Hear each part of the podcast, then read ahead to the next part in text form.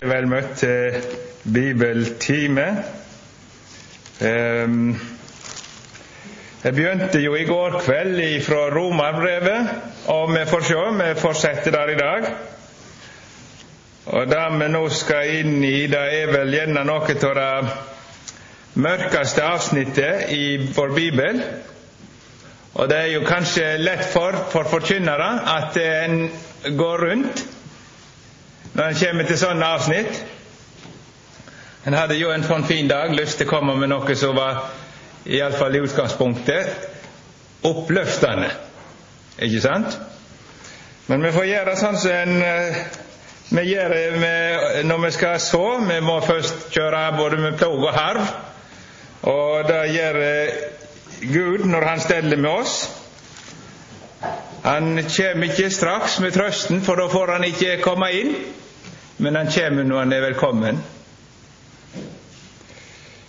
Eh, nå skal vi begynne med å lese fra Romerbrevet 1, fra det 18. verset.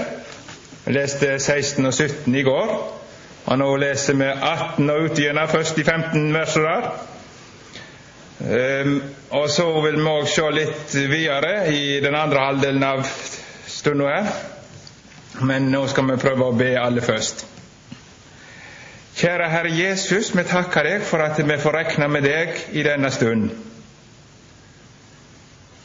Du visste om oss ifra evighet, og du bandt deg til vår redning.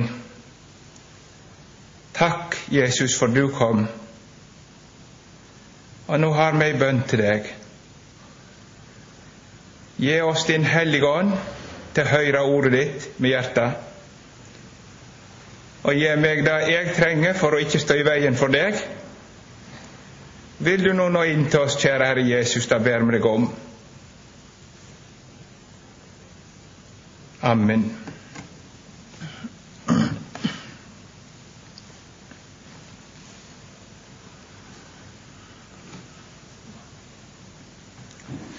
Jeg leser da i sammenheng fra vers 18. Guds vrede vert åpenbæra fra himmelen over all gudløysa urettferdige menneske som held sanninga nede i urettferd. For det en kan vite om Gud, ligger åpe for dem, av de Gud har åpenbæra det for dem. For Hans usynlige vesen, både Hans evige kraft og Hans guddom, har vært synlig fra verda vart skapt. Det skjønner ein av gjerningene hans, så de skal være uten årsaking. Enda de kjende Gud, æra eller takka de han ikke som Gud. I staden ble de tomme i tankene sine og det uvitige hjertet deres ble formørkte. De sa seg å være vise, men de vart dårer.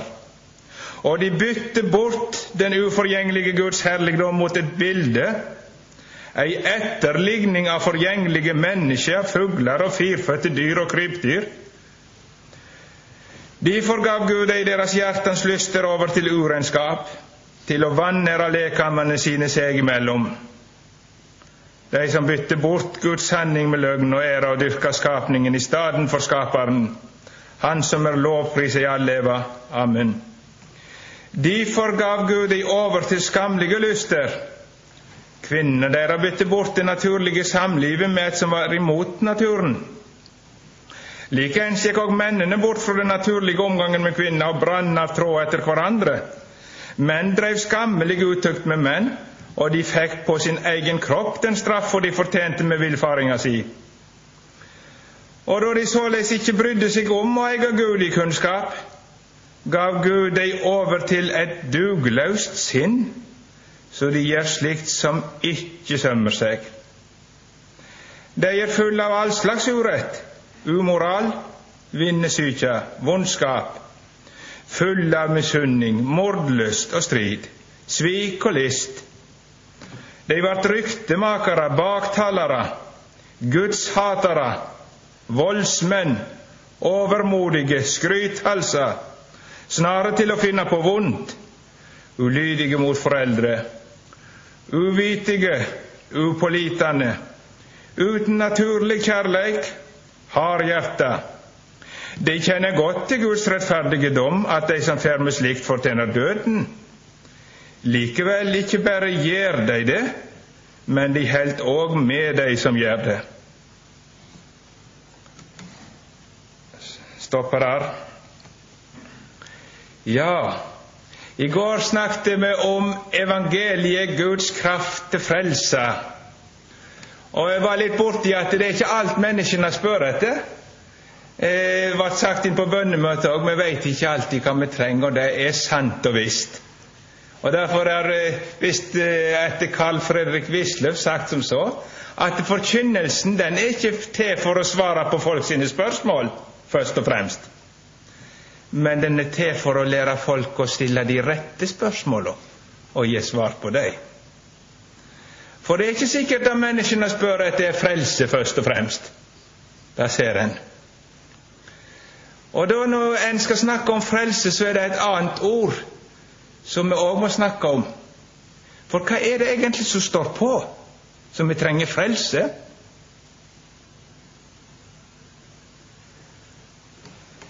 Hva er det som er så om å gjøre?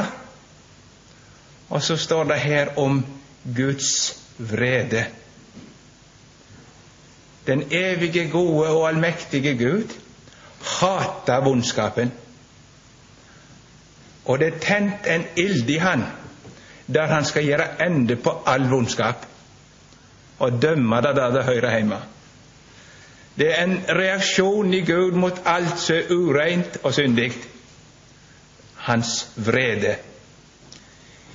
Guds vrede er opptent. Det er alvoret. Han som har all livsånde i sin hånd, det er hans vrede det står om. Det er det vi må bergast ifra skal det gå oss godt. Guds vrede. Det er det som er farlig. Det er mange som hadde sikkert ville betalt oss for å slutte med å preke. Det tror jeg hadde vært gjerne lettere enn å få de til betalt oss til å preke. Så det får dere begynne med det. Begynne å ta opp kollekt til å samle inn for å få de til å slutte å preke. Skal vi se om det kommer mye til misjonen. Ja, ja. Men vil, vil vi folk vondt? Rundt og snakke sånn som de ikke vil høre? Nei, men vi tror det kommer en dag der de forstår hva vi snakket om. Men den dagen kan det være for seint. Det er noe som heter Guds vrede. Og da tenker vi vanligvis på evigheten. Og det er sant, i evigheten skal Guds vrede åpenbares sånn at vi med sitt rystende alvor i sin bredde Det er noe nemlig som heter evig fortapelse. Og det er ikke Satan som bestemmer i den evige fortapelse. Der er han kasta til evig tid. Det er hans domsplass. Men det er Guds vrede. Det er Guds vrede som brenner i all evighet i fortapelsen. Det må vi ikke glemme. Og det er vanskelig å snakke om. For vi er så vant til å høre at Gud, Gud er god. En kan ikke få det til å stemme, var det sagt. Det har vært sagt mange ganger. Med en evig fortapelse, en kjærlig Gud. Kan det stemme? Og så begynner en å tegne Gud etter forstanden. Sånn må han være hvis jeg skal tro på han, og sånn skal han Og så vil vi lage vår egen Gud. Og det sto det om her i teksten at de bytte bort Guds sannhet med løgn. Og så kopierte de et menneske og firfødte dyr og litt forskjellig for å lage en gud. Menneskene kunne godt tenkt seg å lage seg sin gud, for da fikk de sjøl være Gud. Og da fikk de Gud sånn som de ville ha han. Og det ligger djupt i oss der, da skal du være mistenksom på overfor deg sjøl. Du har lyst til å lage Gud sånn som du vil ha han, for da får du sjøl å være Gud. Da får du bestemme. Sånn skal han være! Det ligger djupt i oss alle. Og det er det som er i dette kravet. Må ikke snakke om noe sånt som Guds vrede. Det vil ikke vi ha.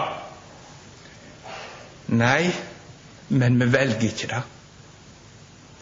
Vi velger ikke det. Vi har ingen mulighet til å påvirke den sak.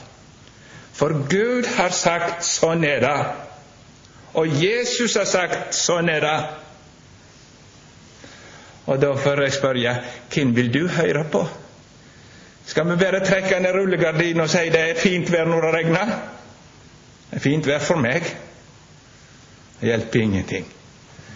Og hvor godt det er at vi skal få lov å høre hva som er sant. Det er jo det som må gjøre. Hva som er virkeligheten. Og her står det altså om Guds vrede. Gud er ikke bare en nådig Gud og en kjærlig Gud, men han er en vred Gud. Han er en hellig Gud. Og det er et rystende alvor, ikke bare det som kommer i evigheten, men her står det først om at Guds vrede blir åpenbara fra himmelen allerede her på jord. Guds vrede er virksom her på jord. Og så taler det videre om det i kapittelet. Men det er noe mer vi må si. Hva er det Gud vredes mot? Det er to ting står der. Ugudelighet og urettferdighet. Ugudelighet Når vi sier det var ugudelig, så tenker vi som regel voldsomt grovt. Men ugudelig i Bibelen, det betyr å leve uten samfunn med Gud. Lever du uten å leve sammen med Gud, så lever du ugudelig. Det er bare to måter å leve livet på. Enten lever du i samfunn med Gud, sammen med Gud. Du og Gud lever sammen.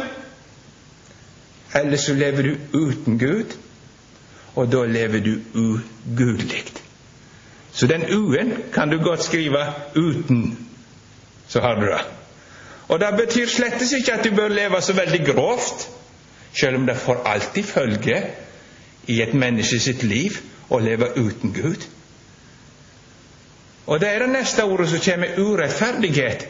Det er det som kommer ut ifra at du lever uten Gud. Når du lever uten Gud, så kommer det frem mange ting, og det er urettferdighet som kommer. Det hjelper ingenting om det ser fint ut i menneskelige øyne. Kommer det ifra den rota, så er det urettferdighet. Sånn er det. Så det er de gjerningene som kommer ut ifra og de handlingene og de måtene å leve på som kommer fra at du ikke lever sammen med den levende Gud. Det er urettferdighet. Så det er ei stygg rot som spyr opp all slags urettferdighet. Den er ugudeligheten. At du lever uten Gud. Skilt ifra Han som er godheten. Hvor kan det da komme godhet? Det kan det ikke, egentlig.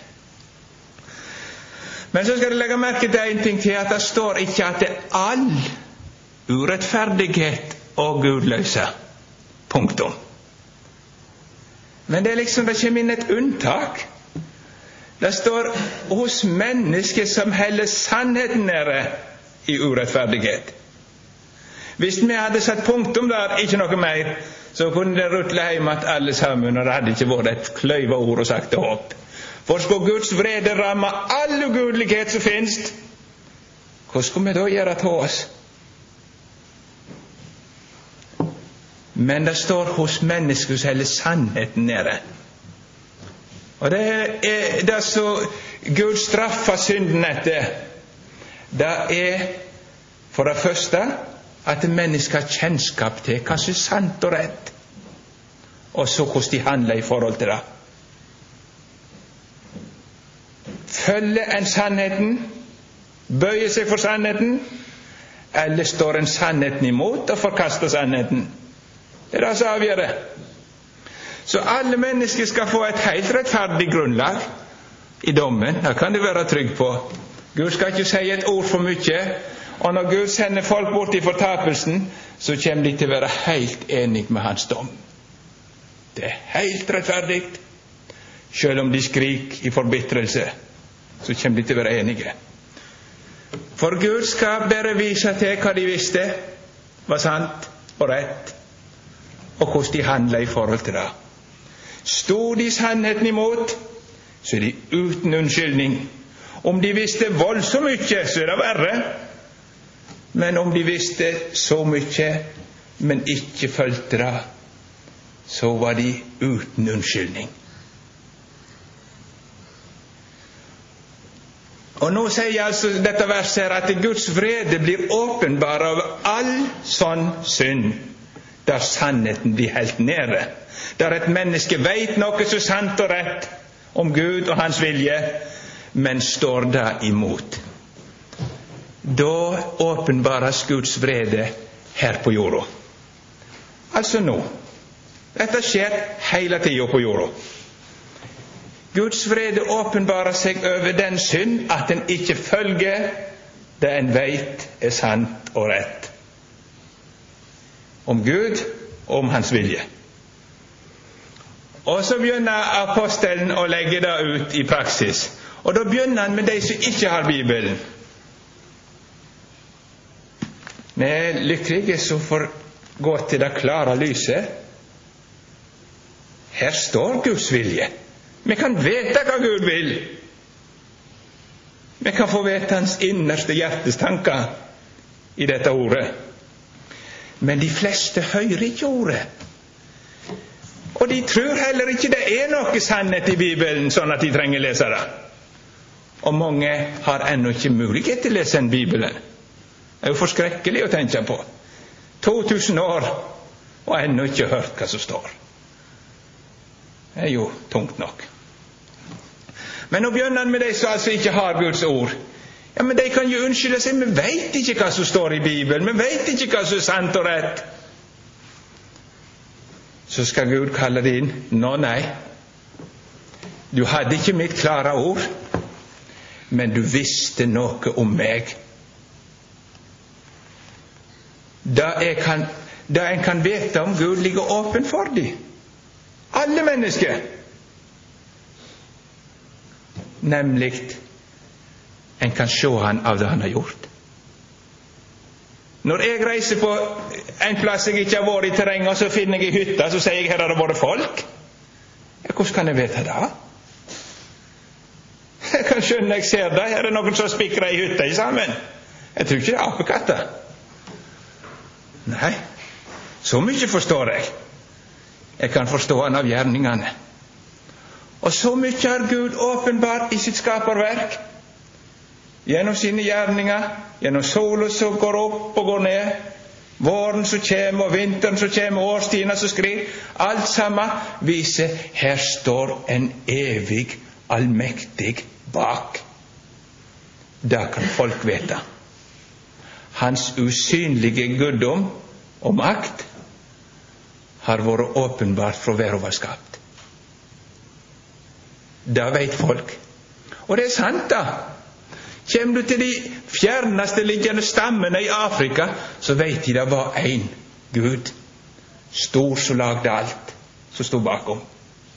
De veit det. Så det er ikke så lett å komme fram for Gud og unnskylde seg. Han skal peke og si 'Dette forsto du. Dette visste du.' Du uten unnskyldning. Jeg sier ikke at det ikke finnes ærlige ateister. Jeg tror nok det finnes, men for å bli det har de vært uærlige. For å bli det har de vært uærlige.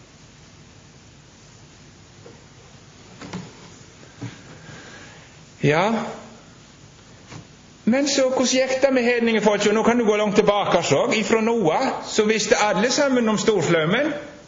Alle slektene kom ut derifra. De hadde en sannhet om Gud og Hans vilje. Men tok de vare på det? Nei. Menneskene brydde seg ikke om det de visste om Gud. Og det har Gud bestemt at et menneske skal ære og dyrke han sånn som han kjenner han. Veit du noe om Gud, så må du følge det du veit eller så mister du det du veit. Det er alvoret. Følger ikke du det du veit om Gud, så kommer du til å miste det du veit om Gud. Når du har kunnskap om Gud, så krever Gud at du skal ære Han og dyrke Han i forhold til den kunnskapen du har. Veit du at Han er en allmektig Gud som har skapt, så skal du ære og tilbe Han som den allmektige. Veit du at Han er den som elsker oss og ga sin sønn, så skal du ære og dyrke Han som den som elsker oss og ga sin sønn. Ellers så vil du miste det. Her er ikke noen nøytral sone. Enten må du ta vare på det, eller så kommer Guds vrede til å åpenbare seg. Og hvordan er det Guds vrede åpenbarer seg? Når menneskene ikke tar vare på det de vet om Gud, og ikke bøyer seg for det, så svarer Guds vrede Og her er det Guds vrede, altså. At han overgir de til seg sjøl. Vil du ikke følge mitt lys, så følg ditt eget lys. Og derfor forfølger det. For menneskene er blitt syndige etter syndefallet. At vi har fått djevelens gift i kroppen, som er så sterk at hvis ikke Gud bevarer oss, så går vi fra vondt til verre.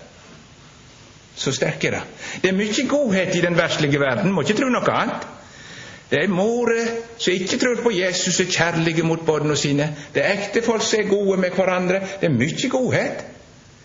Ja, men det skal ikke tilskrive menneskene, da. Det er Gud som med sin bevarende makt holder igjen, så ikke vondskapen slipper løs. Gud har ennå sine krefter virksomme i denne verden. Han har ikke forlatt denne verden. Men når et menneske trosser Gud og Hans vilje, og ikke tar vare på det han vet om Gud, så er Guds vrede sånn at han overgir menneskene til seg sjøl, til den makt som bor i dem. Og derfor blir følgen med, av religiøs synd, altså at en ikke følger sannheten om Gud, det blir moralsk synd.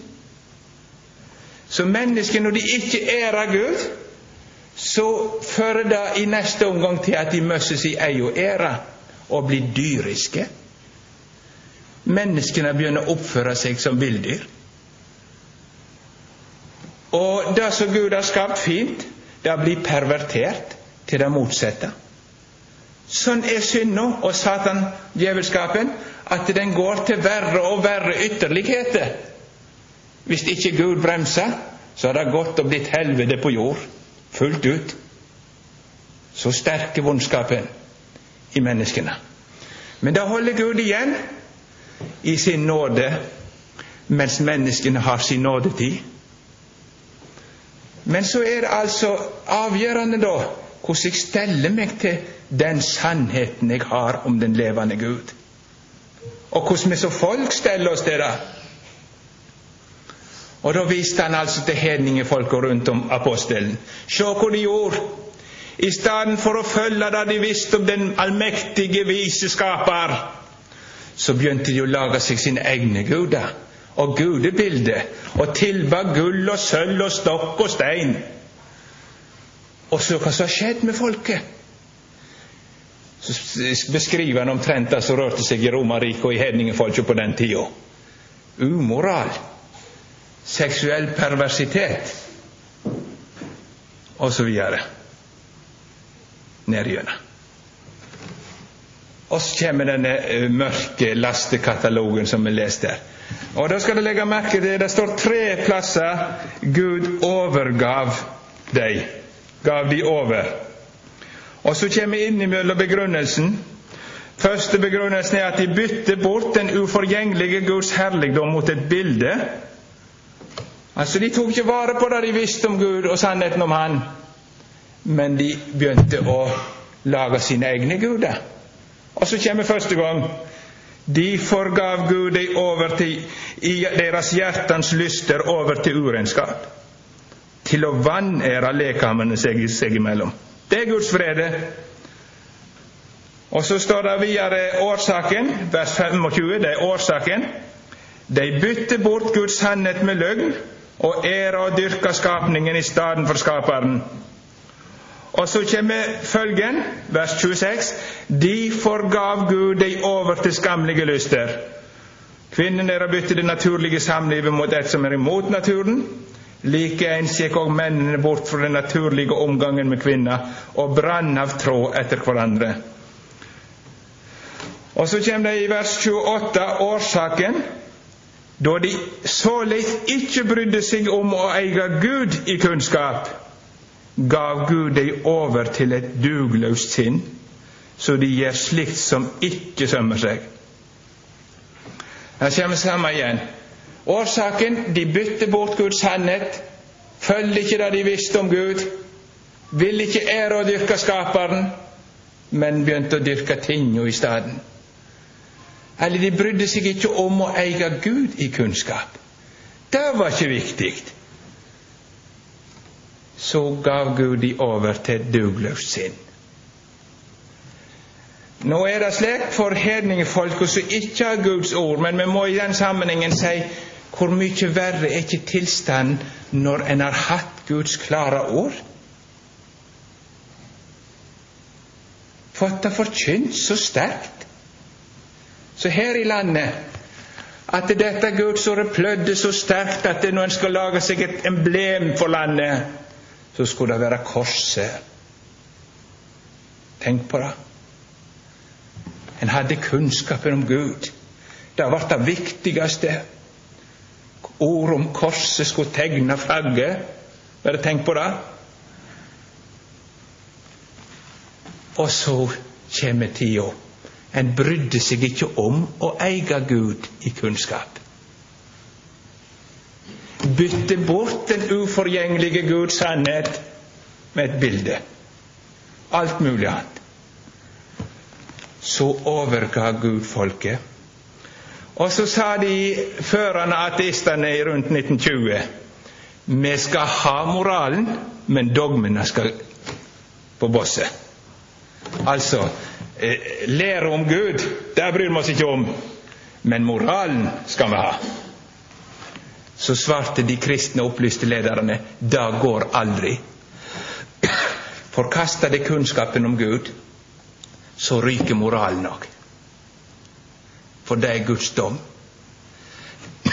Når menneskene ikke tar vare på kunnskapen om Gud, da blir de nemlig gitt over til seg sjøl. Og da er synda si makt så stor at det da går det på ned, uansett hva en finner på. Det er ikke råd å stoppe for det er ei sterkare makt som hersker.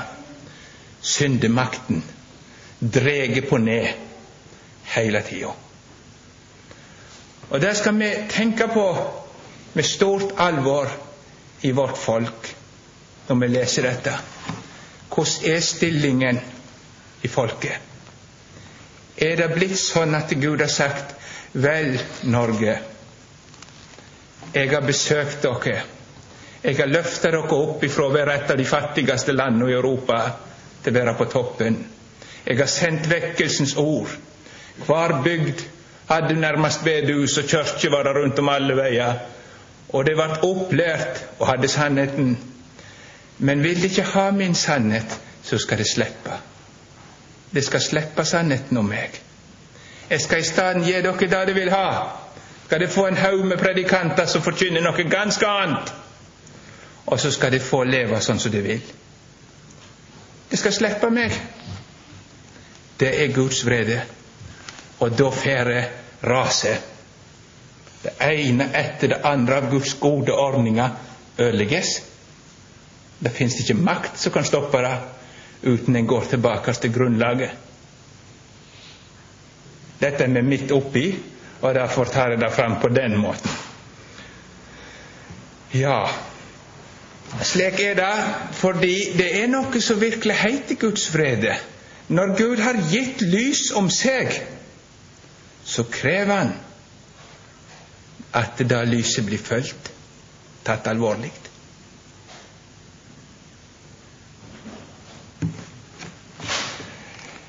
Ja, jeg skulle vel brukt mye tid, men eh, det syns jeg jeg bruker nok òg. Det er ikke det. Jeg skal ikke si noe annet.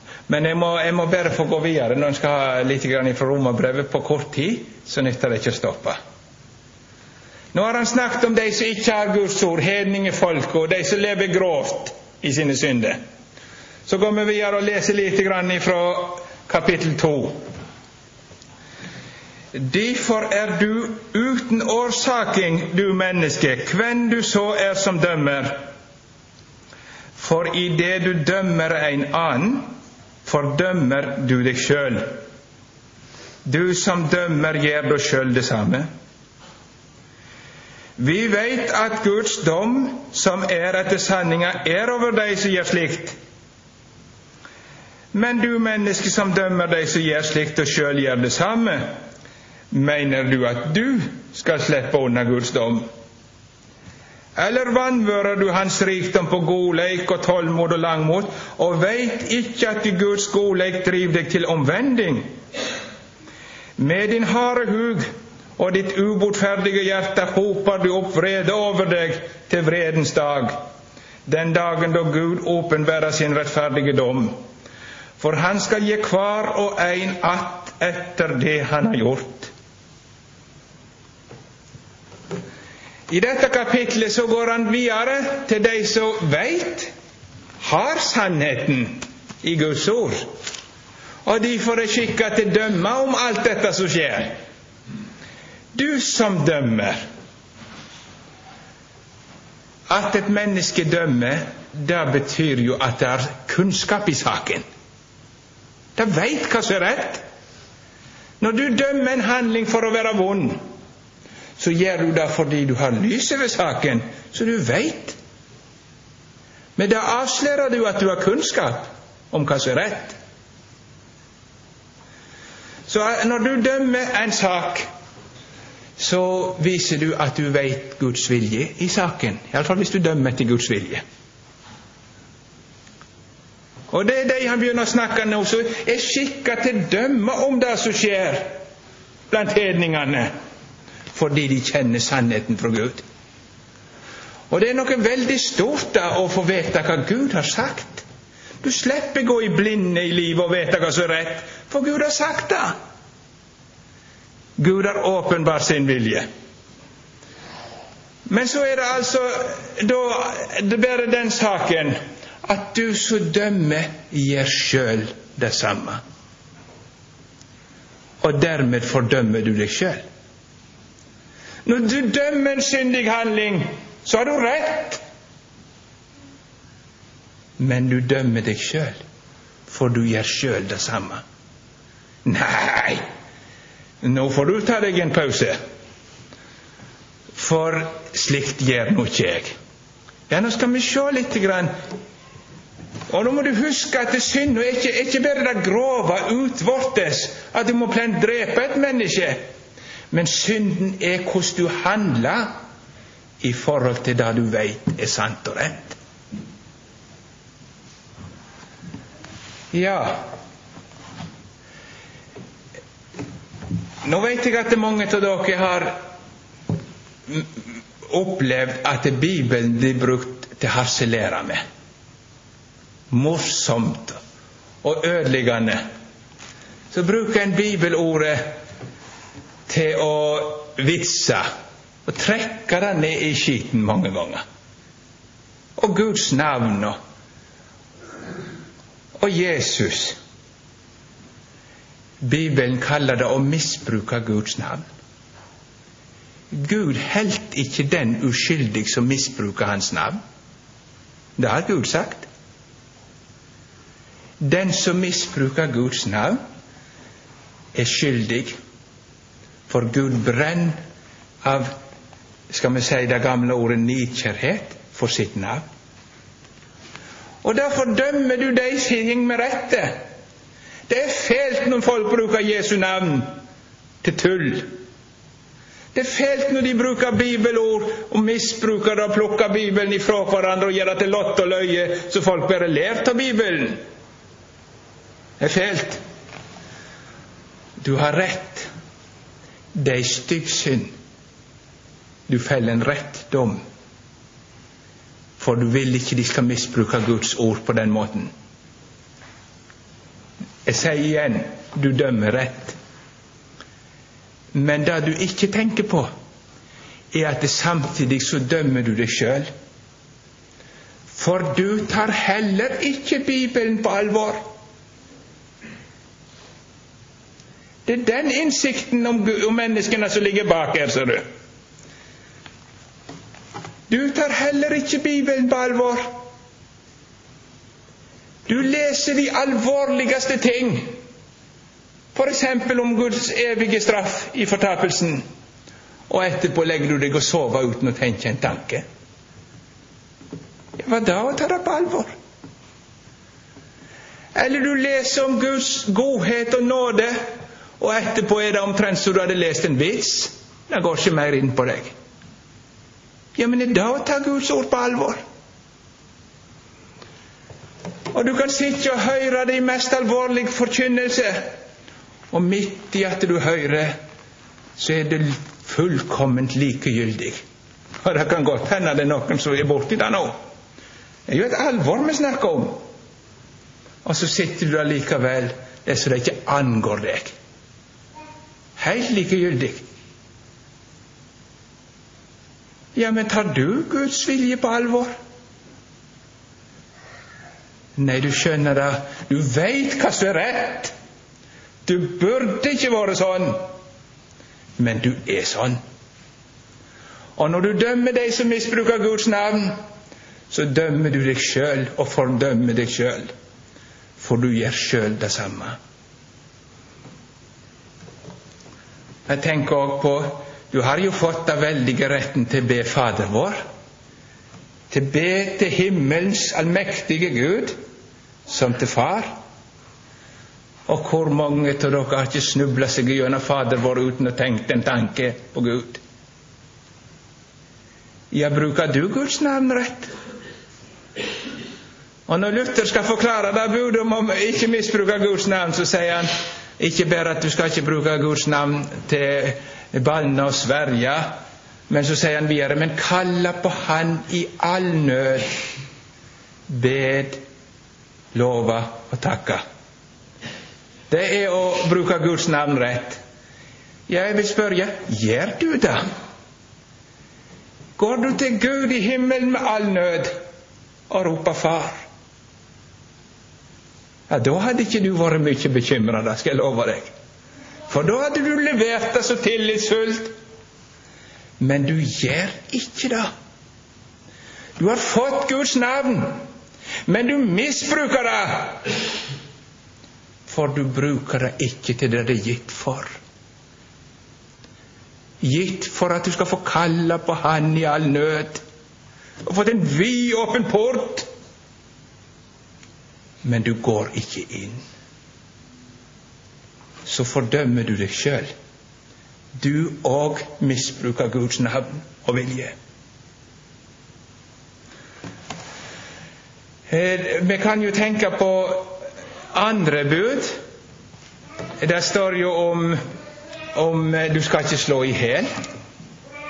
Og det er veldig mye vondskap rundt i verden. Og du kan lese om det hver eneste dag i avisene. Merkelig. Det er gode nyheter. Og du kan skjønne folk leser om disse kriminelle greiene som skjer. Og denne vondskapen. Og det var han som sperra inn dattera si og misbrukte i årevis. Nyhet i side etter side. For en fyr! Ja, det var sant og visst. Kan jeg tenke noe så vondt? Så ikke himmelen i mange år. Stakkars jenta. Og tenker på de i dag som har fått en veldig gave, og de har fått et liv.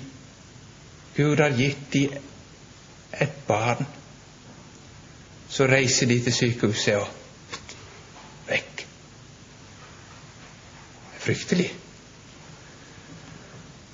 Det, det, det er voldsomt mange som roper til Gud om dom over landet vårt. Hvert eneste liv som ikke fikk leve opp Gud. Gud har ikke forkasta dem. Og så roper de 'Hvorfor fikk jeg ikke leve?' Det kan du være sikker på. Og så er det riktig Når du hører det, rystes du og tenker Det er forferdelig. Det er synd. Det er brudd imot Guds vilje. Det er jo å ødelegge seg sjøl. Ja, men du har rett. Men når du dømmer de som gjør det, så fordømmer du deg sjøl. For du gjør sjøl det samme. Nei! Nei! Nå er du for grov. Slikt gjør ikke jeg. Nei, du gjør ikke den ytre handling. Men Gud kommer aldri til å dømme etter det som skjer på utsida. Men han kommer til å dømme etter hjertet. Hvordan er det der inne? Og det som all mord stammer ifra, det er et kjærlighetsløst hjerte. Og Når Luther da skal forklare budet, så sier han at eh, du skal ikke skade nesten din på legeme eller sjel, men hjelpe han når han er i nød. Når du er likegyldig med nesten sin nød, når du er likegyldig med at naboene dine har det vondt, når du er likegyldig med menneskene sin nød, så er du òg en morder. For det er det samme hjertelaget. Vel veit du har mange grunner for at du ikke, når du blir sint på et menneske, eh, lar det gå eh, til handling. Ja, du er fornuftig nok. Men tror du saken er bedre? Så fordømmer du deg sjøl. Du gjør sjøl det samme. Du heller har ikke det kjærlighetsfulle hjertet som bryr seg om dine medmennesker. Du har vet nok til å holde igjen ifra de grove handlingene, og du syns gjerne det er avskyelig for andre grunner. Men eh, noe godhet er det ikke. Og så fordømmer du deg sjøl. Og slik er det når du tenker på det som sto her om eh, de seksuelle syndene. Det er jo slik i hedenskap at det er to synder som kommer i forgrunnen. Det ene er avgudsdyrking, og det ene er hor. For hor er i grunnen eh, avgudsdyrking i forhold til Gud. Da bryter en ektepakten med Han som skulle vært vår rette Herre. Det er noe sånn. Men de henger sammen. Og Derfor er det slik at i hedenskap, er Guds ord forkaster, Det fører det som regel til seksuelle utskeielser.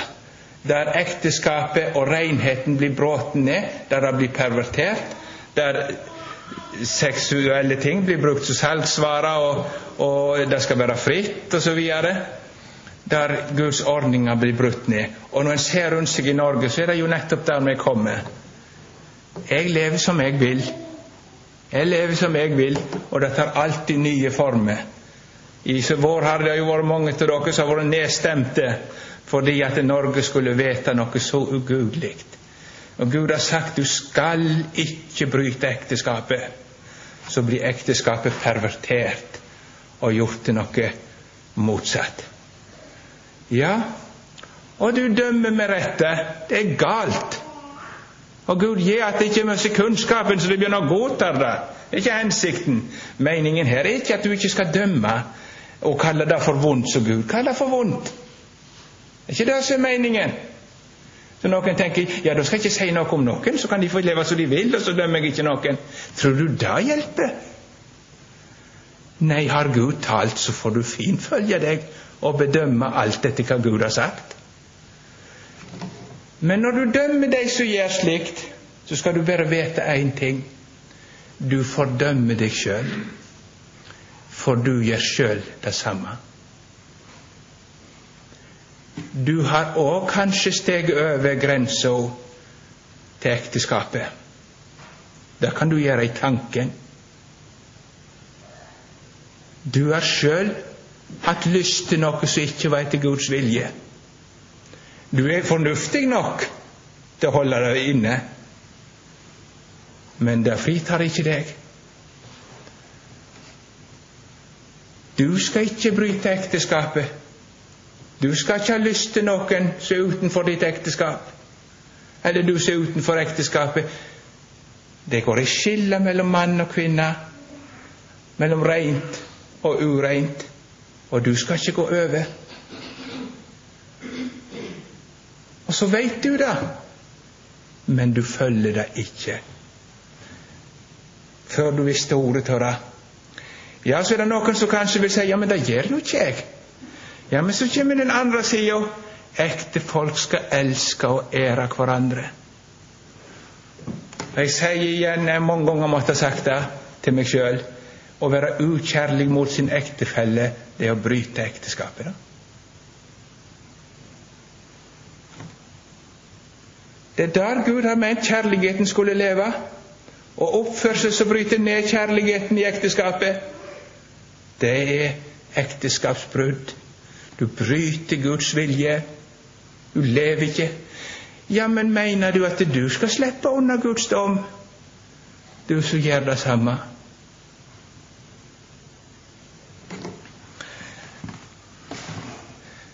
Og så hadde jeg lyst til å si enda noe. Eh, når er det sånn at du har fått et moralsk liv? Jeg håper det. Du lever ikke ut de syndige lystne. Og der skal du være takknemlig for at du har sluppet. Å bare ete opp menneskene, ødelegge de, pervertere de. Blir tommere til lenger de går. Da kan du være sikker på Gud har ikke lagt noen fiender i disse ti bud, men han har lagt noe som skulle verne oss òg. Men når du har fått sluppet og hatt så mye kunnskap og hjelp og hva du ikke har hatt, så holdt deg igjen, så tenker du feil. I stedet for at du blir takknemlig dette ned for Gud, så blir du mange ganger så stor. Og så lager du den styggeste og mest avskyelige avguden av alle avguder. Mitt frina, fromme liv setter meg over alle. Og så har du kanskje levd sånn at folk ikke kan finne noe feil hos deg. Men så bøyer du kne for denne fromheten din og elsker og ærer deg sjøl i virkeligheten. Det var ikke Guds navn du var opptatt med å få opp, men det var du som skulle være stor. Og menneskene kan like godt søke sin egen storhet i åndelig og from sammenheng som i synd og begjær. Søke seg sjøl. Og så sitter en og dyrker seg sjøl og føler trang til å dømme de andre. For enda klarere komme i det rette lys, så den som tar Guds vilje på alvor. Ja, men skjønner ikke det hva dette er? Det å bryte Guds bud. Du som veit Guds vilje, du gjør sjøl det samme. Det var Jesus som skulle få ære. Og så står du i virkeligheten og måler og kjemper for deg sjøl midt oppi dette. Og bøyer kne for denne avguden, altså sier til meg og min fromhet. Ja. Sånn er det. Og slik er det han fortsetter ut igjen, hadde jeg hatt tid til å lese ut igjen. Du som sier en ikke skal stjele, stel du. Og i grunnen kunne det vært oversett sånn som det er mange plasser. Du stel. Som en påstand. For han kjenner menneskehjertet. Og slik er det eh, når et menneske gjør ei synd, så er det lovbrudd. Men når en lar være å synde fordi en vil være from, så er det òg lovbrudd. Fordi det var ikke til Guds ære, men det var for meg sjøl. Så det, det, det, er ikke spøk for oss mennesker med uten unnskyldning. Ja, men da treffer jo Guds dom oss alle. Nei, det er en vei. Når Gud åpenbarer dette, så er det én ting som hans dom treffer. Din harde hug og ditt ubotferdige hjerte. Hva vil det si? Den som trosser mot det han hører. Men hvor går det med den som ikke trosser, da? Han detter ned med en lukka munn og sier 'Jeg er den skyldige'. Jeg er skyldig. Jeg står ikke over noen. Da får du ikke så lyst til å være med og hive stein på de andre som er på vei til fortapelsen, for du hører til i den flokken. Jeg har synda. Det er jeg som ikke har noen ros. Det er der Guds ord ville ha oss For det som Gud har bestemt, han har stengt alt inn under synd, så han skal få legge alle ned for Jesus sine føtter, for at alle skulle bli frelst av pur nåde. Så Derfor er det lukka når Gud fortaler sånn til oss, at jeg blir den skyldige. Ja, men det er sant. Gud har stengt alt inn under ulydnaden, står det, for at han skulle få miskunne oss alle. Og slik fortsetter det fram til kapittel tre uti, når han konkluderer at det er Guds vilje åpenbart, Guds lov, for at hver munn skal bli stille og hver menneske står skyldig for Gud. Hver forsvar for seg sjøl skulle bli stille, og hele slekta skulle stå skyldig for Gud. Ja, var det han ville.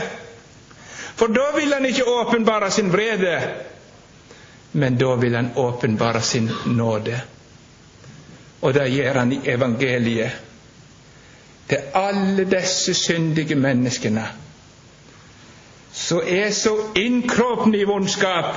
Noen lever det ut grovt og stygt, og andre de pakker det inn og gjemmer det vekk og får det til ut så frommet og fint. Men det er samme ulla. Det er ingen forskjell. Alle har synda står uten ære for Gud. Men til alle disse så har Gud ei gave. Han har gjort noe for oss. Han har noe voldsomt fint til oss som heter Guds rettferdighet det jeg og du trenger for å ha det i orden med Gud, det har Gud ordna. Ferdig. Og nå skal det forkynnes til alle. Alle har synda og står uten ære for Gud. De blir rettferdiggjort til ufortjent. Så da ligger de stakkarene der, og så får de det de ikke har fortjent. Sånn som han lå, den blind, eh, lamme mannen. Han kunne ikke gjøre mye der han lå. Han var lam.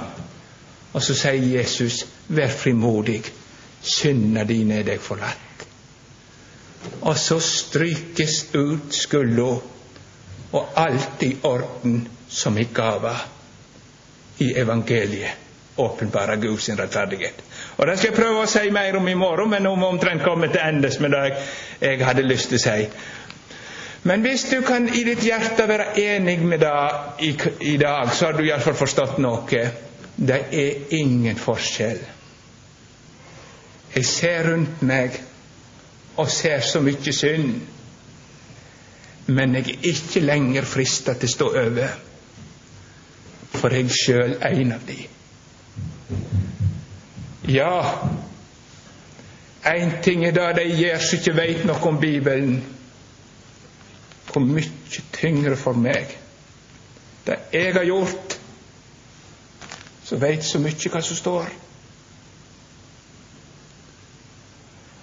Og så blir det sånn, just som jeg er, ei med et strå av egen grunn å bygge på, jeg uforskyldt må nåde få, og kommer, å Guds lam, til deg. Da blir ikke Guds vrede åpenbara fra himmelen, for da blir ikke sannheten lenger holdt nede, men da blir Guds nåde åpenbara. Disse armene som tok den stakkaren som kom hjem, hadde ødelagt alt. Og så begynte festen. Nye klær, og gjøkalven var slakta. Ja, sånn er det. Et forunderlig rike skulle ønske vi kunne være blant de som ikke hadde noen ære, men måtte ned og rope på Jesus. Jesus, jeg har ikke noe å gi deg. Her kommer jeg tom. Har du noe til meg, Jesus? Det er mitt eneste håp. Så skal han åpenbare noe forunderlig. Han er ikke han har ikke glemt dere. Gud visste jo alt dette som vi har snakket om nå. Han ser jo mye dypere enn det jeg kunne ta noen riss etter Guds ord i hjertet. Og likevel så har han tenkt i kjærlighet på oss, og så ga han oss det dyreste han eier. En redningsmann som kan redde oss alle. Er ikke det godt å være her? Du velsigne dere. Kjære Herre Jesus, vi ber deg om det at vi får være blant deg som står skyldige for deg, om å bøye oss for ditt ord, Herre Jesus, sånn at vi går med på sannheten. Og så får vi den forunderlige sannheten om deg, Herre Jesus. Det er så godt å få høre. Takk for alle som har fått bruk for det.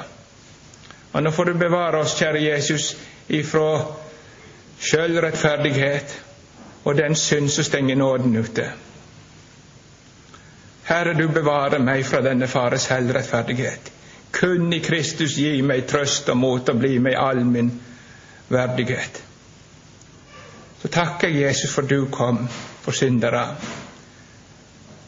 Og så har jeg lyst til å be sånn som så sangen sier, just som jeg er, ei med et strå av egen grunn å bygge på. Jeg uforskyldt må nåde få, og kommer, o Guds lam, til deg. Amen.